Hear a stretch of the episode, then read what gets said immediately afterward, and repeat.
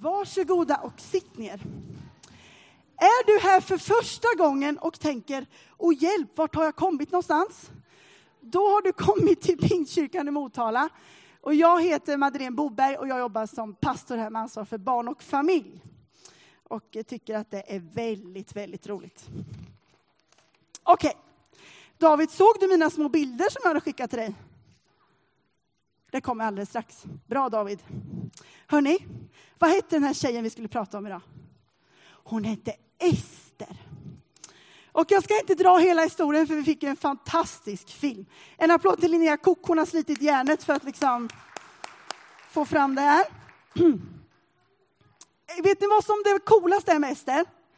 Det är att hon var precis en vanlig tjej. Hur många här är en vanlig tjej och en vanlig kille?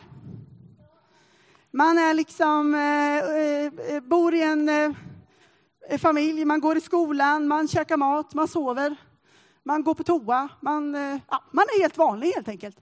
Ester, hon var en vanlig tjej. Men det var lite synd om Ester. För hon hade ingen mamma, ingen pappa, ingen morfar, mormor, farmor eller farfar. Så hon fick flytta till sin kusin. Hur många är det som bor hemma hos sin kusin och har den som pappa? Det är inte så många, va? Det hade blivit jätterörigt. Hade jag flyttat hem till mina kusiner så vet jag aldrig vart det hade slutat. Nu var de förvisso lika gamla som jag, men Ester hade en kusin som var ganska mycket äldre än henne. Han hette Mordokaj. Kan ni säga det? Mordokaj. Det är ett jätteroligt, exakt, det är ett jätteroligt namn. Mordokaj. Eh, det skulle kanske mina barn haft i andra namn, men det har de inte. Men Mordokaj är ett jättehäftigt namn. Ester fick bo hemma hos Mordokaj.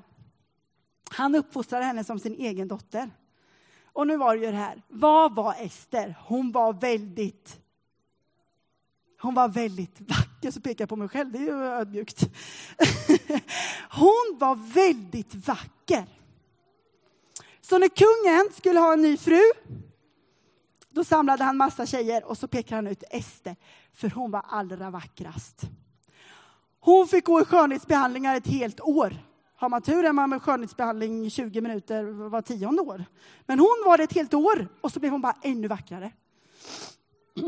Så hon gick från en vanlig tjej till att bli en drottning.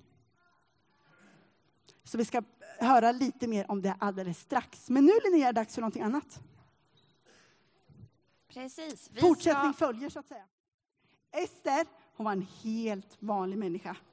Och sen blev hon en modig drottning.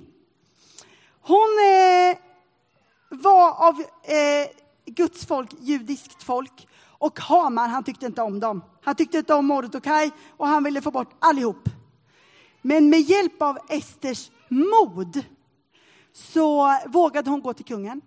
På den här tiden hade kungar inte så hög social kompetens. De var inte så jättetrevliga, de var inte så jättesnälla. Så man var tvungen att fråga långt innan, får jag gå till kungen? Så gick man med darrande be till kungen. Och räckte han ut sin spira, då fick man komma och säga hej till kungen. Tur att det inte är så idag. Men då var det så. Och Ester hon var modig, hon gick till kungen och sa, får jag bjuda dig på middag? Och så vet vi resten av historien. De bjuder på middag och hon vågar säga till kungen att Haman hade dåliga avsikter. Han ville att alla skulle bort, även Ester. Och kungen blev superarg. Innan Ester gick till kungen, då bad hon Mordokaj, sin kusin, nu får du be till Gud. Och alla ni som är runt omkring får fasta. Ni får inte äta någon mat, ni måste be till Gud för att jag ska våga det här. Så Ester, den modiga drottningen, hon var inte bara vacker, hon var modig, men hon också kände Gud.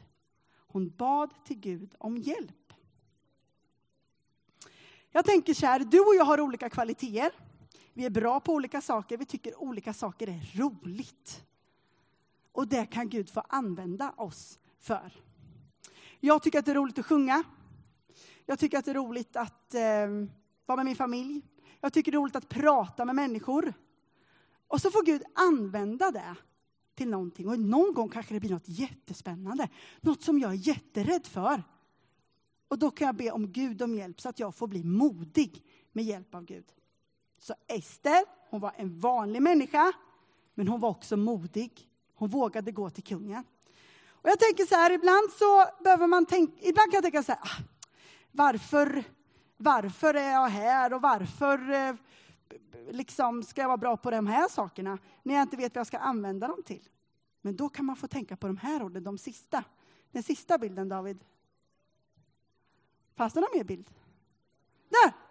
Kanske var det för en tid som den här som du blev drottning, fick Ester höra. Kanske var det en tid för den här som du blev riktigt bra på fotboll. Är det någon som är bra på fotboll? Eller hur? Eller kanske var det en tid för den här som du blev riktigt bra på att spela in film. Eller på att sjunga, eller på att dansa, eller vara precis som den du är. Att vara modig nog att våga vara den man är. Okej? Okay.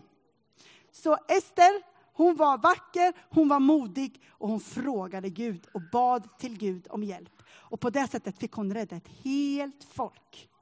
Helt fantastiskt.